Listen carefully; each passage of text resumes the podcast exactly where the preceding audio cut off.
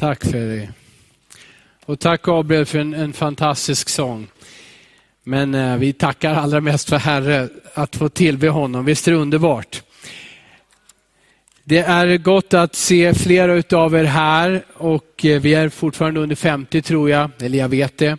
Eh, och, eh, men också få ha sett på mobiltelefonen att flera är med via Youtube och Facebook, hemsidan. Tack för att ni är med. Och att vara med det är naturligtvis också ett beslut. Eh, både att sätta på en dator eller att komma hit. Men också vare sig man sitter i en kyrkbänk eller sitter i en soffa eller någon annan plats hemma. Så här, jag är med, så när, när, det, när vi sjunger och tillber, då, då sjunger jag med. När vi ber, då ber jag. Jag deltar, det här i min gudstjänst under de här eh, speciella omständigheterna. Uppåt, genom tillbedjan. Den här söndagens tema är uppåt. Och att komma och se uppåt genom tillbedjan utav Gud. De följande söndagarna kommer det handla om uppåt, inåt, utåt och framåt. Och den här dagen är också en inledning på 21 dagar av bön och fasta. Eh, tre veckor Eh, där vi kommer att fokusera som församling. Vi vill uppmuntra att komma tillsammans där det går fysiskt, annars via anden, via bönen. Och sen under de här tre veckorna vill jag be, vill jag fasta, mer eller mindre avsätta tid för Gud. Dagens predikan om det här uppåt handlar alltså om tillbedjan. Vad är tillbedjan? Varför ska man tillbe? Och hur gör man det? Eller hur gör man det bra? Hur tillber, tillber man bra? I nödsituationer så börjar människan be. Det känner nog alla igen, eller hur? En del börjar be för första gången i en nödsituation, andra gör det för första gången på 40 år. Och en del som ber, de börjar be mer när, när nöden kommer på. Faktiskt eh, slående med en, eh, en kolumn, eller vad det heter, en krönika i Aftonbladet den 2 april det här året. Där eh, krönikören som heter Britta Svensson inleder, alldeles oväntat dyker frågan upp inom mig. Jag som inte ens är med i Svenska kyrkan. När det kändes som värst knäppte jag utan att tänka mig för händerna innan jag skulle somna. Jag upplevde mig vara vid vägs ände som om inget annat skulle hjälpa än att be en bön. Fader vår som är i himlen. Men jag kunde inte för mitt liv komma ihåg fortsättningen. Nästa kväll samma sak igen. Gud som haver barnen kär, se till mig. Eh, nej, den var inte bra. Så här skriver Britta, skrev Britta i april, när Kar eh, Britta Svensson, när coronakrisen kommer. Jag tror hon är ett exempel på hur många av oss känner att när det blir svårt, då börjar vi be. Eller när det blir svårt så börjar vi be mer. Mitt problem är bara att när det blir bättre, så börjar jag så lätt att be mindre. Har du också upplevt det någon gång? Krisen är över. Ja, nu ska jag leva livet. Och plötsligt så ber man inte lika mycket. Men hur kan vi, när vi står inför en, en världskris som är annorlunda och, och som är så omfattande, den här coronapandemi, hur kan vi gå stärkta genom krisen? Hur kan vi bli bevarade i tron? Hur kan vår tro växa sig starkare i den här tiden av kris? Hur kan jag få en relation med min far i himlen som jag har kvar när krisen är över? Hur kan jag lära mig att gå med Jesus varje dag, lyssna och bli ledd av den helige ande? Nu är det så att Folkhälsomyndigheten har ju skickat oss alla in i kammaren. Ja, speciellt om du är över 70, då har du blivit ställd, för att använda ett gammalt uttryck, du har blivit ställd i skamvrån. Den som är i riskgrupp och den som är äldre ska inte röra sig för mycket bland människor. Och man kanske känner blickarna från dem om man vågar sig ut och så vidare. Vi har blivit ställda i skamvrån. In i din kammare, in i ensamheten. Men hur kan vi som är troende använda de här ålagda restriktionerna till att frivilligt gå in i kammaren för att vara med vår far och där se uppåt. Jesus talar ju om bön i Matteus kapitel 6. Och I kapitel 6, vers 6 så säger han så här, när du ber, gå in i din kammare. Han sa inte, har du corona, gå in i kammaren. Men han sa, vill du be, gå in i kammaren i avskildhet. Och stäng din dörr och be till din far som är i det fördolda. Ja, självklart. Han syns inte, hans stämma hörs inte skrika i pressen och på tv vad vi ska göra. Han är osynlig för våra fysiska ögon, men han vill bli upptäckt. Men han upptäcks inte där allting brusar och där alla vill vara samtidigt och göra sin grej. Man möter honom i enskildheten. Därför säger han, gå in i din kammare och då säger han, och det här tycker jag är starkt. Då ska din far som ser i det fördolda belöna dig. Vill du gå starkare igenom en kris, be och tillbe din far i himlen. Samtala med Jesus och låt den heliga ande leda dig i det samtalet. Då går du igenom krisen, även om den blir så lång och vi ser ju inte ett direkt slut. Vi hoppas och tror och spekulerar, men vem vet? Men Gud vet och han är med dig hela vägen. Och han för dig ut.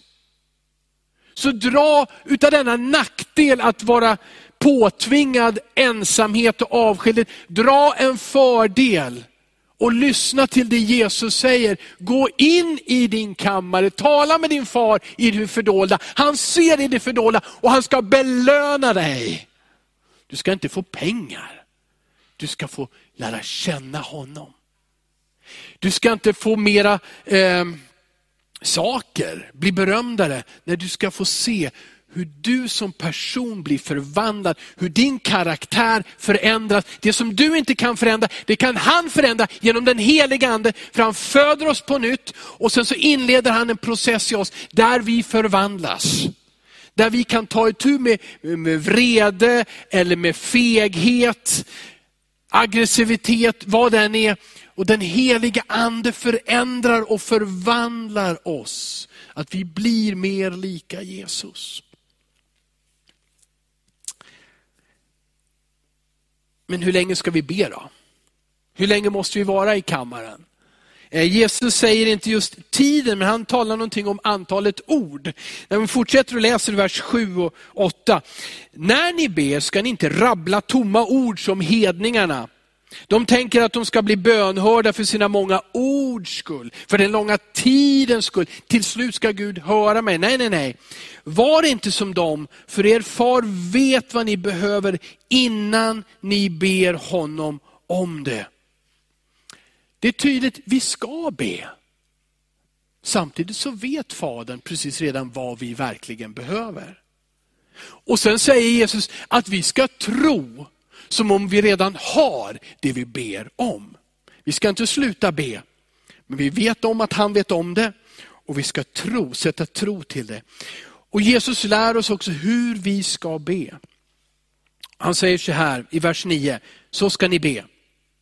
Vår far i himlen, låt ditt namn bli helgat. Vers 10, låt ditt rike komma. Låt din vilja ske på jorden så som i himmelen. Vad är det som är inledningen på denna bön? Jo, det är tillbedjan. Att ditt namn ska bli heligt och behandlat heligt, behandlat med, med vördnad i mitt liv. Att ditt rike, det ska synas och upplevas bland människor i himlen och på jorden. Den första delen av den här bönen är tillbedjan. Och det är det som jag vill stanna vid idag. Inte så mycket vid bön, hur vi bönar och ber och, om olika saker, utan att tillbe vår far för den han är. Han vill ha vår tillbedjan. I Johannes 4 och vers 23 och 24 har Jesus ett samtal med en kvinna. Och där säger sådana ja det står så här, men den tid kommer, ja den är redan här, då sanna tillbedjare ska tillbe Fadern i ande och sanning. Ty sådana tillbedjare vill Fadern ha. Vers 24. Gud är ande och de som tillber honom måste tillbe i ande och sanning. I ande, det vill säga genom en relation. Guds ande flyttar in i den människa som han frälser. Och genom det så får du en relation, du tillber honom i ande. Det går inte på det sättet som vi uppskattar och aktar människor, utan det här är annorlunda. Kommunikationen sker genom din ande och det går bara om Gud har gett dig sin helige ande. Men också i sanning, det vill säga inte mina påhitt om hur Gud är och kan tänkas vara och tycka och, och säga i olika situationer. Utan vad har Gud berättat om sig själv i Bibeln. Det är att tillbe i sanning. Han är vår far. Han har sänt sin son av kärlek till oss. Hans son har dött på ett kors för att vi har syndat. Usch säger vi, har vi syndat? Ja säger Bibeln, det är sanningen men jag förlåter er synderna och för er in i en levande relation med mig. Vi behöver tillbe i ande och i sanning. Och sanning är att be i enlighet med Guds ord. Och De första kristna de bad och de tillbad. De kunde inte vänta. Det står i Lukas 24 att Jesus han lyftes upp till himlen och försvann inför lärjungarnas ögon. Och vad gjorde de här vuxna männen och antagligen också kvinnorna som var med? Vad står det? De föll ner och de tillbad. De tänkte inte så mycket längre på Jesus, timmermannens son från Nasaret, men han var och är en människa. Men de tänkte på Guds son som sitter på faderns högra sida och de tillbad honom. Och sen så står det, återvänder de till Jerusalem. De prisade Gud och var ständigt i templet. Lärjungarna, se, hemligheten att gå igenom en kris, att växa igenom den. Det är inte först och främst att, åh Gud hjälp mig med det här, jag måste överleva, jag vill inte bli sjuk och jag behöver ett arbete och jag behöver det här. Hemligheten är inte först och främst att säga en massa saker som du tycker att du och vi behöver till Gud, för han vet det redan. Hemligheten att gå igenom en kris med frid och med lugn. Hemligheten att komma ut ur den starkare är att tillbe honom för den han är. Att lära känna honom genom att prisa honom. Vad är tillbedjan? Det finns synonymer som aktning eller vördnad. Det här är inga vanliga ord i svenskan, i svenska språket, i svenska kulturen idag aktning, vördnad. Vi finner det på ett par få platser kanske i vårt samhälle. Dyrkan. Också beundran, och det kanske vi lättare känner, vi kan beundra någonting som är stort. Vi häpnar, blir tagna. Ja men det här finns i som synonymer till ordet tillbedjan. Vi ska alldeles strax läsa salmen 95 som David skrev. En psalm i gamla testamentet. 1000 år före Jesus levde kung David, härskade som kung i det lilla landet, men fantastiska och av Gud utvalda landet Israel. Där skrev han salmen 95 om tillbedjan, vad tillbedjan är, varför vi ska tillbe och hur vi kan tillbe. Vi läser psalm 95, vers 1 till 11. Och är du hemma och har en bibel där, slå upp den. Du får så mycket mer utav en predikan om du läser själv. Naturligtvis har du på skärmar och det gäller ju även här. Men jag tror på att ha en bibel som består av papper och permar. Jag tror på att ha en penna, att stryka under, skriva frågetecken, skriva ett datum för någonting som blev väldigt viktigt. Använd din bibel, ta med dig den och läs den. Och när du lyssnar på bibelstudier, predikan, läs med. Och efteråt gå tillbaka, läs igen, se till att du förstår. Det är så du lär känna Gud och det är så du kommer in i tillbedjan. Nu står det så här, psalm 95, vers 1. Kom, låt oss ropa till Herren. Jubla till vår frälsningsklippa. Låt oss träda fram för hans ansikte med tacksägelse. Jubla till honom med lovsång. Amen. För Herren är en stor Gud. En stor kung över alla gudar. Han har jordens djup i sin hand och bergens toppar är hans. Hans är havet som han har gjort. Det torra som hans händer har format. Kom låt oss falla ner och tillbe. Böja knä för Herren vår skapare. För han är vår Gud. Och vi är folket i hans jord, fåren i hans vård. Sen kommer en förändring mitt i den här lovsången som jag får förklara för senare, men jag läser den också. Idag om ni hör hans röst, förhärda inte era hjärtan som vid Meriba, som på Massas dag i öknen. Där era fäder frestade mig och prövade mig fast de sett mina gärningar. I 40 år var jag vred på det släktet och jag sa, det är ett folk med vilsna hjärtan. De känner inte mina vägar.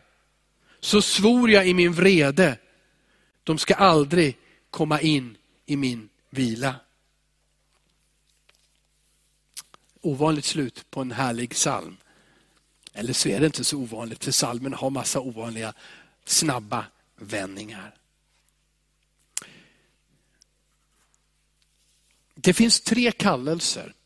Tre kallelser till oss i den här salmen. Den första hittade du i vers 1. Kom låt oss ropa och jubla till Herren. Det är känslospråk och kroppsspråk. Salmisten är full av lyft era händer, ropa, dansa, Kom inför Herren, det är känslospråk. Man uttrycker att man trivs, eller hur? Det är också kroppsspråk, man använder hela sin varelse. Romarbrevet 12 och 2 säger att vi ska, vi ska tillbe honom, göra vår gudstjänst med hela vår kropp, med hela vår varelse. Eh, men den an, i vers 6 så finns det en annan kallelse. Kom låt oss falla ner, tillbe, böja knän för Herren. Jag tror att det uttrycker tillbedjan av vilja, av fri vilja. Jag tar ett beslut, jag böjer mina knän. Jag underordnar mig den som Gud är och jag underordnar mig Guds ord. Det här talar, om det första talar om känslor, så talar det här om vilja. Och sen den här sista, vers 8, en varning, en kallelse också det. Idag om ni hör hans röst, förhärda inte era hjärtan. Jag tror att det är logikens språk, Gud talar till vårt förstånd. Det finns en kallelse. Så om Gud talar, proppa inte till dina öron och vänd dig åt ett annat håll. Förhärda inte ditt hjärta. Lyssna på vad som är logiskt. Om skaparen, han som älskar dig och har dött för dig, kalla på dig. Skjut inte upp det till en annan dag att ge ditt svar. Det här är så viktigt att tillbedjan sker med förstånd, med vilja och med känsla. Och Det är viktigt att förstå det här. Om du deltar i eh, lovsången till exempel som en ritual i kyrkan. Nu sjunger vi, alla står upp, alla står upp. Nu sjunger vi, alla sjunger. Nu ber vi, nu ber vi. Om du deltar i att läsa trosbekännelsen som är djup och viktig, full av mening. Men du aldrig drabbas av den där överväldigande känslan i ditt inre av, av Guds skönhet, av Guds storhet, av din egen litenhet och hur oändlig hans nåd är och hans godhet. Då är det inte tillbedjan. Men vi kan vända på det lika väl. Om du gråter, du skrattar, du blir full av emotioner, av känslor. Men det påverkar inte ditt liv. Det får dig inte att böja dig, böja dina knän och följa Guds ord, då är det inte heller verklig tillbedjan. Tillbedjan är med hela din varelse. Det finns en pastor, predikant i New York. Han har gett en definition så här, han heter Tim Keller. Och jag har översatt den fritt nu. då. Tillbedjan är en handling där man tillskriver något oändligt värde. Eller man tillskriver något absolut värde. På ett sätt som involverar och engagerar hela ens person. Hela varelsen. Av förstånd, av vilja, av känslor. Och det här är tillbedjan. Någonting som berör hela dig och mig. De här starka känslorna som psalmisten visar, han ropar, han jublar och andra gånger dansar. Och, det kommer ur någonting. Också den här livsförvandlingen, det kommer ur någonting. Och när vi läser den här salmen, som så många andra salmer, så ser vi att han gör en inventur över Guds egenskaper. Han räknar upp vad Gud har gjort och vem Gud är. Och han räknar det, han tänker efter över det, han mediterar över det, tills han fullkomligt exploderar av känslor. Och det är där det börjar. Du påminner dig genom Guds ord, vem är Gud? Du tänker på hans egenskaper. Du ber över det, du tackar för det, du tänker på vad han har gjort. Och han för dig in i en glädjefull tillbedjan och kärlek. Får jag använda Antikrundan som en illustration, som en bild? Är det någon som har sett Antikrundan på tv? Den finns på svenska sen, eh, ja titta där, några stycken i alla fall. Den har funnits där i 20-30, ja, 30 år nästan. Okay? 30 år, så det är en bra tag. Och den finns i England och man visar ju även på svensk tv den engelska eh, varianten utav Antikrundan. Okej, det här är nu ett påhittat exempel och, och jag tar det faktiskt också från, från eh, Tim Keller, så, så följ med mig. Vi säger så här, det kommer en kvinna, hon har en brosch med sig, hon vill få den värderad. På Antikrundan så tar man med sig gamla saker som man har, man vill veta hur mycket är de värda i pengar. Och så vill man gärna ha reda på, finns det någon historia som jag inte vet om den här saken? En tavla, möbel eller någonting annat. Och nu säger vi i den här berättelsen, nu, så kommer en kvinna med en brosch. Eh, hon är inte riktigt säker på var hon har den ifrån. Hon fick den av sin mamma, och mamma fick den av sin mamma och så vidare. Men eh, hon kommer med den till Antikrundan och där träffar hon en juvelare, eh, juvelerare som, som vill titta och han undersöker äktheten i broschen. Om ni inte vet vad en brosch är så är det ett smycke som man har här på, på blusen. Precis. Ehm, efter intensivt undersökande, några minuter, så, så du vet, juveleraren han bara börjar, han kan inte hålla sig. Han märker att det här är, den här broschen har en unik sten. Han tittar på reflektionerna i den här diamanten. Det här är helt fantastiskt. Han känner igen att det är gjort av en hantverkare. Som, han är sedan länge död, så ingen kan skapa ett sånt konstverk längre, vad han känner till. Den här är helt prislös. Han, han tänker, allt som finns på Antikrundan idag, det här är mer värt än alltihopa. Ja, det är mer värt än de sista 30 åren av vad folk har tagit till Antikrundan. Det är så värdefullt. Och när han visar det här och berättar det här för kvinnan, som inte visste om, det var ju bara någonting jag hade med i familjen. När hon inser värdet på den här broschen, så ändras hela hennes liv. Vilken rikedom. Jag har levt med det här sedan jag var barn. Jag fick det av min mamma, men hon visste inte heller om hur värdefullt det var. Men det här får henne att ändra hela hennes liv. Det är tillbedjan.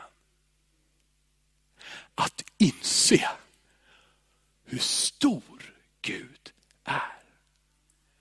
Hur stort det är vad han har gjort. Och kom igen, vem här inne är 2000 år gammal? Det här blev dig givet i vaggan. Jesus dog på ett kors för 2000 år sedan. Han manifesterade Guds kärlek. Han helade de sjuka, han upprättade de utsatta. Han hjälpte människor tillbaka till liv. Men framförallt så ger han evigt liv till var och en som kommer till honom. Han är större än vad jag kan beskriva eller fatta för en sekund. Tänk om jag fick en minut, en sekund av perfekt, fullkomlig tillbedjan. Där jag inte börjar tänka på mina egna fördelar eller på potatisarna som har kokat för länge. En liten stund av fullkomlig tillbedjan. Vi får ändå inte det här på jorden. För vi är så begränsade. Men Jesus har lovat oss att vi ska se honom öga, med öga för öga. Vi ska se honom med våra ögon. Ansikte mot ansikte vill jag säga. Vi ska tillbedja honom. Oj, vilket jubel det blir i himlen. Och med hela förståndet och med, med vår vilja så tillber vi honom. Ni ser att många människor har Gud som kvinnan hade broschen. De tror på Gud, så som kvinnan kom med den här broschen utan att veta. Hon var omedveten om värdet på broschen. Det påverkade inte hennes liv, det låg i en låda bland andra saker. Skillnaden mellan ett liv där du hankar dig fram, du tar dig fram, för man måste ju leva, man måste gå vidare och det finns svårigheter. Skillnaden med ett sånt liv där du tar dig fram liksom steg för steg. Och ett förvandlat liv, där du har glädje och framtidstro och trygghet. Skillnaden där ligger inte i om du tror på Gud eller inte. Skillnaden ligger i om du tillber honom och ger honom det ofattbara, oskattbara värde som han har. Där ligger skillnaden. Man kan tro på Gud, man kan veta om Gud, man kan ha honom i bakfickan för en nödsituation. Men det förvandlar ingenting förrän du tillber honom med hela din varelse. Ut, du börjar med förståndet, du tar ett viljebeslut och känslorna bara öser på. Halleluja. Salmen eh, talar om vad tillbedjan är. Den talar också om varför vi ska tillbe. Inte helt tydligt på en gång, men låt mig visa. Vi ska tillbe Gud för att vi alla tillber något. Du tillber något. Du värderar någonting högre än allt annat. Det gör alla människor. Alla har värderingar. Alla har någonting som man uppskattar, någonting som man följer medvetet eller omedvetet. Ofta när det finns en sån här fråga, eh, undersökning, när en journalist går omkring med en mikrofon och frågar, vad är, vad är det viktigaste i livet? Vad är meningen med livet? Visst är det ofta som människor säger, att bli lycklig. Ja, det är det som många tillber, eftersträvar, riktar in sina liv efter. Och om jag bara får vara lycklig. Så om jag går den här kursen, den här utbildningen, om jag får de här vännerna, om jag kan fixa till det här, om jag bara får en båt också, det vore väldigt bra, och ett hus. Då blir jag lycklig. Och så bygger man och fixar på sitt liv. Om jag bara slipper de här människorna i mitt liv, de har irriterat mig över årtionden, då blir jag lycklig. Och detta är tillbedjan. Att tillbe Gud eller att tillbe lycka, att tillbe pengar, att tillbe makt. Det är tillbedjan. Du värderar någonting över andra saker. Så det här är viktigt för mig. Alla tillber. Och då, om man läser vers 3, så stod det så här, det börjar med ordet för. Han har sagt att han, han, han jublar, han eh, jublar med lovsång, för Herren är en stor Gud, en stor kung över alla gudar. Han, här får vi det varför vi ska tillbe Gud. Han är skaparen, han står över allting och han söker en relation med oss. Att kärnan i tillbedjan, det är att inse att vi alla tillber någonting. Men att byta objekt för tillbedjan. Att byta objekt. Inte jag som är den viktigaste. Det är inte min lycka som är den viktigaste. Det är inte ens min hälsa som är det viktigaste. Det är Gud som är det viktiga. Det finns ett ord för det här i Bibeln också, den processen, den heter också helgelse. Jag har Gud i mitt liv, jag har tagit emot Guds ande. Men jag väljer att förflytta det som är viktigt för mig, det som jag värderar, till att lägga det mer och mer på Gud. Och Det här kommer genom tillbedjan. När du med ditt förstånd räknar upp vad Gud har gjort. När du med ditt förstånd tänker efter vad Gud har gjort för dig. När du med din vilja säger, jag ödmjukar mig inför dig och jag upphöjer dig. Och Gud, Guds ande får leda dig in i en tillbedjan, i en närvaro som är fylld av glädje. Det här förändrar våra liv. Amen. Vi, det här, att vara med Gud. Och Jesus har öppnat dörren. Och det är där för dig och mig. Psalmisten säger en annan gång i psalm 23, du förbereder för mig ett bord i mina ovänners åsyn. Han säger att när mina fiender ser mig, attackerar mig, så Gud dukar ett bord med festliga rätter för mig. Det är som han, är han ignorant när han säger det? Nej, det här är det som kommer ur tillbedjan. Det kan vara en coronakris överallt. Det kan finnas sjuka människor i din omgivning, till och med i din familj, i din absoluta närhet. Och du ber, beskydda mig, hjälp mig och hjälp dem. Och vi ska be, vi ska be. Men, men hemligheten ligger i att se uppåt, se uppåt och tillbedja honom. För han dukar för dig ett bord av välsignelse. Han älskar dig. Du är en ögonsten för honom, en dyrbar juvel som han har sökt ut.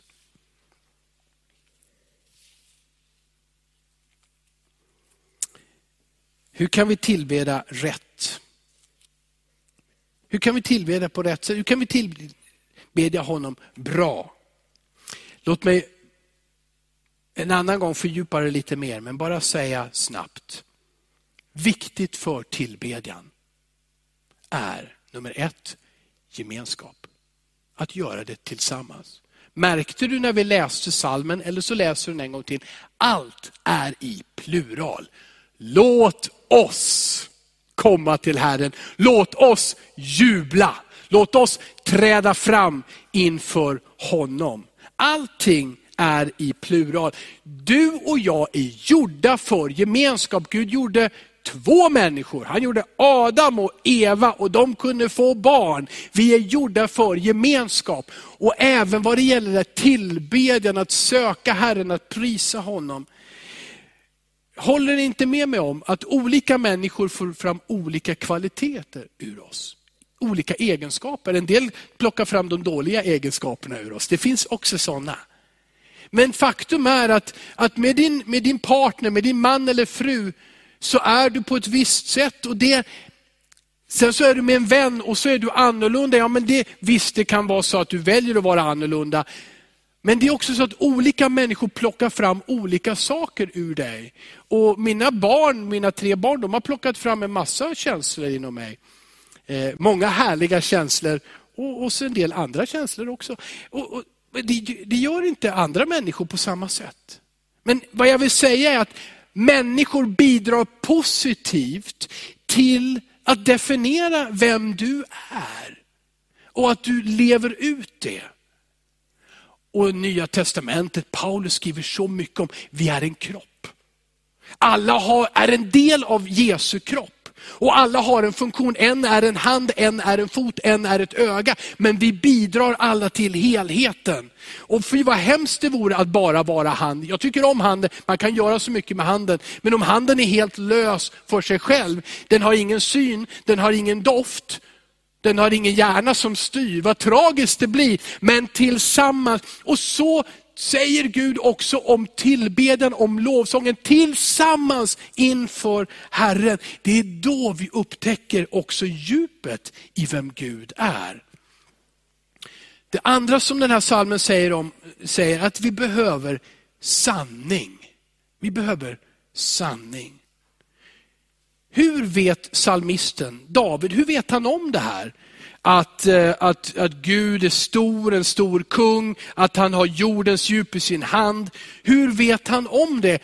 Har han, är det liksom en känsla som han fick en, en dag när han satt med fåren och vinden blåste lite grann? Så, Åh, Gud har gjort allting. Var det, var det han? Nej, det är inte så. David läste och tog till sig vad profeterna hade skrivit, vad Mose hade skrivit, vad man som i judisk tradition berättade för varandra. De tog till sig kunskap om Gud som hade förts vidare över generationer. Det betyder att David böjde både sina knän och sitt förstånd inför den här kunskapen. Han anpassade sin uppfattning om Gud till det som Guds ord sa. Det här är lite tufft, för i vår tid, så vill, alla vill väl ha andliga upplevelser, eller hur? Alla vill väl ha en, en, en skön gemenskap med vänner i hemmet, i en kyrka, i en fotbollsförening. Man vill uppleva gemenskapen, vänskapen. Men de flesta vill också designa sin egen Gud. Så här är Gud. Han kan inte vara sån, han kan bara vara så. Och Det handlar framförallt om att han låter mig vara som jag är. Jag pratar och säger och gör vad jag vill och det tycker Gud om. Punkt. Men den guden lever inte. Förstår du? Din individuella Gud som du har skapat det, han finns i bästa fall i din fantasi.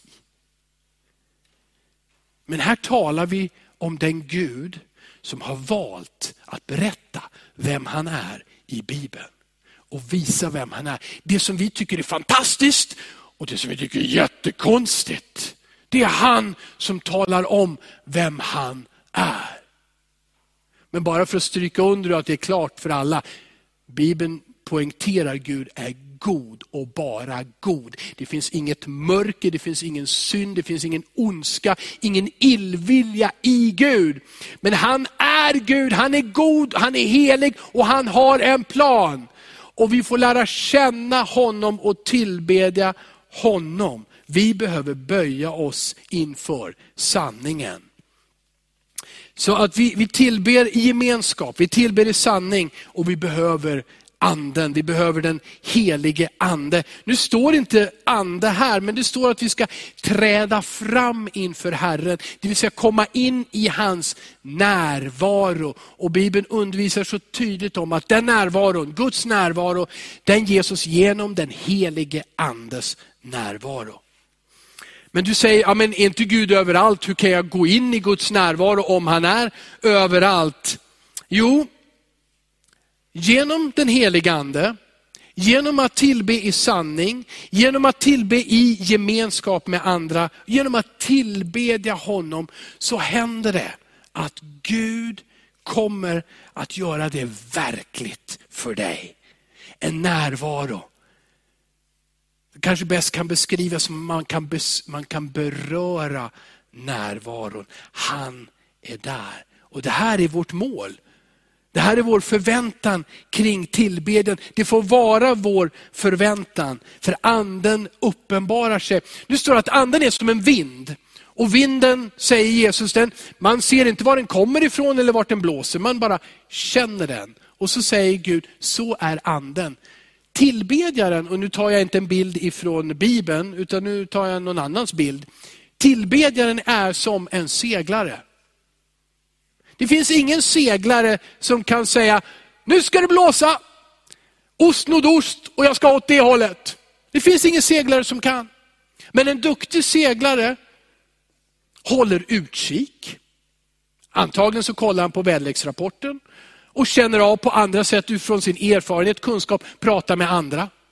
Men han är beredd. Han ligger inte och sover på båten och plötsligt kom vinden och han hängde inte med. Utan en duktig seglare vet, när vinden kommer, upp med seglet, lätta ankaret och så seglar vi. Det här är tillbedjaren. Du kan inte säga till Gud, nu ska du komma, jag har gjort ett, två, tre, A, B, C, nu kommer Gud, pang. Nej, tyvärr, vi kan inte det. Men vi kan vara förberedda. Och när Guds vind, Guds ande blåser, upp med seglen. Det betyder när du kommer till gemenskap i kyrkan, när du kommer till en hemgrupp, när du möter andra människor, eller när du går in i din kammare för att be. Håll utkik efter Guds ande. Vänta på honom, förvänta honom. Hans tilltal, hans beröm, prisa och lova honom även om du inte känner Guds ande. Men tacka honom för den han är och var beredd att hissa seglet när anden blåser för att ta emot det som Gud vill göra i vår stad, i vårt land, i ditt liv. Amen. Jag hoppas att det ljuder ett amen i ditt inre. Att det finns en längtan att sluta fokusera på en coronakris, Tvätta händerna, gör det, håll avstånden. Det är bra, men nu vet du det, vi har upprepat det många gånger. Men var öppen för Guds ande. För det är det som förvandlar och det är det som räddar oss människor. Inte bara ur en sjukdomskris, utan för, det, e, för evigheten. Det är att ta emot Guds ande, att tillbe vår Fader genom det Jesus har gjort för oss, som vi blir räddade för evigheten. Och så har jag en passande punkt till avslutning. Du behöver vila. Du behöver gemenskap. Du behöver sanning för att tillbe rätt. Du behöver Guds ande för att tillbe rätt. Och du behöver vila. Och där var de här, den här varningen i slutet på salmen som sa, idag om ni hör hans röst, förhärda inte era hjärtan som vid Meriba. Det var där vid Meriba som, som Mose och folket i andra Moseboken 17. De var redo att gå, Gud kallade gå in och ta Kanans land. Jag har fört er till ett land som flödar och använder bilden av mjölk och honung. Och folket tror inte, nej det, det kommer inte att gå så lätt. Det, det, funkar inte, det finns jättar i det där landet. De är otäcka, de är stora. Gud kommer inte klara att ge oss det här. Och de förhärdade sina hjärtan och Gud sa, för er otros skull ska ni vara kvar 40 år i öknen. Och hela den generationen, alla över 20 år och uppåt, de dog under de 40 åren med undantag av Josua Fast Josua kanske var en ung man när det här hände. De förhärdade sina hjärtan. Och se vad det är Gud vill ge. I vers 40, fast det är en negation här, men vi ska vända på det. Det står i 40 år var jag vred på det släktet och jag sa, de är ett folk med vilsna hjärtan. Men Gud vill ge oss trygga hjärtan. Som det står, de känner inte mina vägar, sa Gud. Men Gud vill att du och jag ska känna hans vägar. Så svor jag i min vrede, de ska aldrig komma in i min vila. Men Guds hjärta är att ge vila. de hade förstånd och de hade kunnat använda sin vilja till att ta beslut. Vi tror på Gud, han som har fört oss ut ur Egypten, ur ett slaveri genom ett hav. Han som har räddat oss, han som har gett oss mat. Han som har brytt sig om oss. Visst ska han kunna föra oss vidare genom denna öken till ett förlovat land. De hade kunnat använda sitt förstånd, sin kunskap till att ta ett beslut att tro på Herren. Men de förhärdade sina hjärtan. Men Gud vill föra oss in i vila. Och utan att läsa det, Hebreerbrevet plockar upp det här. Just salmen 95. Salmen 95 och framförallt i Hebreerbrevets fjärde kapitel går in på det. Och säger, de kom inte till vila. Men det finns en vila för alla. Och vad är den vilan? Den vilan är att sluta och fixa och göra och stressa och ordna. Prestera och anstränga sig. Och lägga allt i Jesu händer. Där finns det vila. Där finns det frid för oss. Om solen lyser eller om stormmolnen hopar upp sig. Om vi är friska eller drabbade av sjukdom och virus. När vi lägger allting i Jesu utsträckta händer, då får vi vila och frid. Och Det här är Guds löfte till alla människor.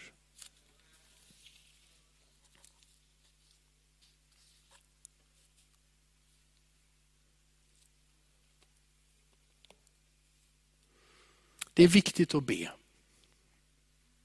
Bibeln uppmuntrar oss att göra det. Att nämna det vi behöver. Men ändå så uppfattar jag ifrån Guds ord att det är viktigt, eller viktigare, att gå in i tillbedjan. Du kommer ändå aldrig veta alla saker, känna till alla problem. Och Gud behöver inte dig ensam för att du ska tala om för honom vad som händer på jorden. Han vet om det. Han vill, när du vet det, att du ska säga det. Han vill att du ska se människor. Han vill att du ska se deras nöd och bry dig. Han vill att du ska be för dem. Men framför allt så vill han din tillbedjan. Den handling där du med ditt hjärta, med ditt förstånd, med din vilja, med dina känslor, med allting tillber honom. Både i sång och musik och med ditt liv. Låt mig påminna om det en gång till. En massa känslor som inte förändrar våra liv, det är inte tillbedjan. Att recitera bibelverser och trosbekännelser utan att verkligen beundra Gud, det är inte tillbedjan. Tillbedjan är att med hela vår varelse komma till Gud och ge honom den plats och det värde som bara han förtjänar. Låt oss be, låt oss prisa Herren tillsammans. Låt oss ära honom. Och om du sitter i en soffa eller på en stol, kanske till och med en solstol, jag vet inte vad. Jag vill uppmuntra dig. Våga ställ dig upp eller våga gå ner på knä. Tillbe Herren där du är. Knäpp dina händer eller lyft dina händer och tillbe honom. Använd din kropp, ditt förstånd, din varelse för att tillbe honom. Är du här på samma sätt i kyrkan? Sträck dig ut med honom, mot honom med hela din varelse. Låt honom ta emot din sång, din kärlek. Och se hur han välsignar sitt folk. Amen.